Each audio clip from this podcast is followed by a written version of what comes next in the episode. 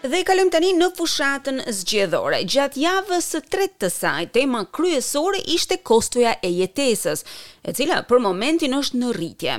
Inflacioni arriti në nivelin e lartë prej pesë pikë një për qind kësaj jave. Lideri i opozitës dhe Partisë Laburiste Anthony Albanese u kthye në terren pas një jave në izolim për shkak të infeksionit me Covid nëntëmbëdhjetë dhe debati i vetëm mes dy liderëve kryesorë të arenës politike australiane ishte se kur do të mbahej debati i ardhshëm. Ndjekim raportin.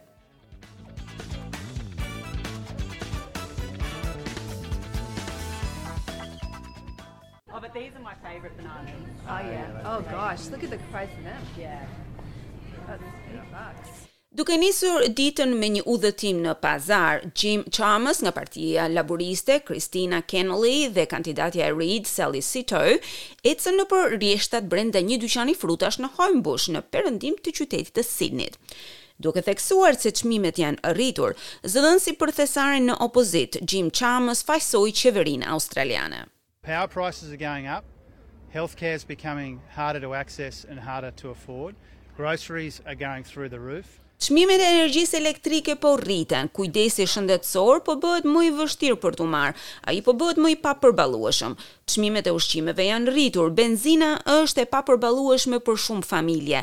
Gjithsesi, ka patur presione mbi koston e jetesës dhe kjo është një krizë në koston e jetesës, e cila ka ndodhur nën mbikëqyrjen e Scott Morrison, tha ai. Të enjten u publikuan shifrat e inflacionit, të cilat treguan një rritje në nivelin pesë pikë një përqind, një nivel më i lartë sesa parashikimet e ekspertëve. Sipas të dhënave të fundit nga operatori australian i tregut të energjisë, çmimet e energjisë me shumicë janë rritur në njëqind e dyzet e një për qind, krahasuar me të njëjtën kohë vitin e kaluar. Kryeministri thotë se rritja e çmimeve ka ardhur si pasojë e presioneve në rang ndërkombëtar. Coal prices have gone up around the world and now we're seeing those thermal coal prices come down. Çmimet e qymërgurit janë rritur në të gjithë botën. Tani po ulen përsëri. Për të qenë i drejtë, Mark, gjatë tremujorit të parë të këtij viti tensionet në Europë ishin mjaft të dukshme. Ka patur shumë presione mbi çmimet e energjisë dhe ato tashmë janë rritur, dhe ky ndryshim do të vijojë edhe në muajt në vazhdim. Energjia në fakt ka qenë një nga pikat më të dobëta për koalicionin kësaj jave, jo vetëm për shkak të kostos. Të martën, një mbështetës i Partisë Liberale Kombëtare tha se angazhimet e qeverisë për ndryshimin e klimës kishin vend për përmirësim. Ndërkohë senatori i Partisë Kombëtare Matt Canavan deklaroi se politika që kërkon emetimet zero ishte një strategji e vdekur. Kjo e detyroi kryeministrin që të mundohej të riparonte dëmin të mërkurën. Well everybody knows that Matt hasn't been supportive of that position there's no news there. Um, të gjithë e dimë që Matt nuk e ka mbështetur asnjëherë atë propozim. Mos kërkoni lajme këtu. Siç është thënë shumë sot, siç e ka thënë edhe shefi i Thesarit, ky nuk është qëndrimi i partisë së tij. Ky nuk është qëndrimi i koalicionit dhe nuk është qëndrimi i qeverisë, tha ai. Jim Chalmers ishte përfaqësuesi i laburistëve gjatë javës së fundit. Ai u detyrua të zëvendësonte liderin Anthony Albanese, i cili ishte i izoluar me Covid nëntëmbëdhjetë. Lideri i opozitës më në fund doli në liri të premten dhe u shpreh kështu përpara se të nisej për në Perth.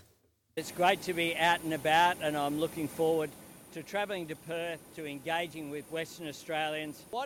Jam i lumtur që më në fund dola nga izolimi dhe mezi pres të udhëtoj për në Perth për t'u angazhuar me australianët perëndimorë. Mungesa ime i tregoi forcën e ekipit të laburistëve, kam një ekip të mrekullueshëm dhe jemi të gatshëm për të kaluar në qeveri, tha ai. Por Partia Laburiste nuk e ka prezantuar të gjithë ekipin e saj për publikun. Disa personalitete të shquara kanë munguar nga fushata elektorale, ata janë Bill Shorten dhe Tanya Plibersek. Tanya Plibersek veçanërisht nuk ishte në fushatën e laburistëve të planifikuar për të dielën në Perth. Jim Chalmers u pyet se pse këta personalitete të Partisë Laburiste kanë munguar nga takimet e fushatës. Well Tanya's been doing a heap of media and making a huge contribution to our campaign and making a big difference. Tanya ka drejtuar një numër konferencash për shtyp dhe puna që ka bërë ka ndikuar në cilësinë e fushatës sonë. Të dielën në Australinë Perëndimore në fushatë do të jenë disa prej nesh, por nuk mund të jemi të gjithë, tha ai. Në të gjithë paqësoren, një çështje tjetër ka dominuar titujt për shtyp. Pasojat që dolën nga një marrëveshje sigurie e nënshkruar midis Ishujve Solomon dhe Kinës. Ministrja e Jashtme Marise Payne ka bërë thirrje për më shumë detaje nga ishujt Solomon. Megjithatë, ajo është kritikuar për shkak se nuk u paraqit në Kombin e Paqësorit përpara nënshkrimit të paktit. Ka patur një mungesë transparence në lidhje me këtë marrëveshje dhe ne do të inkurajonim një transparencë të nivelit më të lartë në mënyrë që të jemi në gjendje të angazhohemi. Por të premten, kryeministri i Ishujve Solomon Manasseh Sogavare e kritikoi sjelljen e Australisë në lidhje me një marrëveshje sigurie që u krye me Shtetet e Bashkuara me Britaninë e Madhe vitin e kaluar.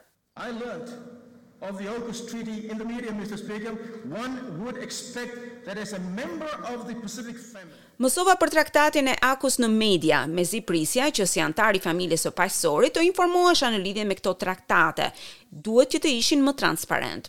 Kryeministri Scott Morrison e mbrojti sjelljen e tij, ai u sulmua gjithashtu nga kryeministri francez vitin e kaluar, kur qeveria tërhoqi nga procesi një marrëveshje për nëndetëset bërthamore të nënshkruar me Francën, kjo në favor të traktatit Aukus. I did have that conversation with the Prime Minister the day following the announcement and and no issues were raised at that time. E kam patur këtë bisedë me kryeministrin një ditë pas shpalljes së traktatit dhe kjo çështje nuk u ngrit për bisedime. Padyshim, me kalimin e kohës, me daljen e marrëdhënieve të reja ka patur edhe ndikime të tjera në perspektivën e marrë nga kryeministri i Ishujve Solomon, tha ai. Javën e ardhshme do të ketë disa debate politike midis ministrave në fuqi dhe ministrave në opozitë, si dhe një përplasje tjetër të mundshme midis Scott Morrison dhe Anthony Albanese. Por një debat mbi debatet e ardhshme nuk i lejoi palët që të vendosnin se kur do të përballeshin për publikun. Kryeministri ka pranuar të debatojë në kanalet shtatë dhe nëntë në televizion, por zoti Albanese ka kërkuar një përplasje në klubin kombëtar të shtypit. Zoti Albanese kishte avantazh ndaj kryeministrit në debatin e javës së kaluar. Një debat i dytë do të vendoset së shpejti, përpara ditës së votimit, e cila është vetëm tre javë larg.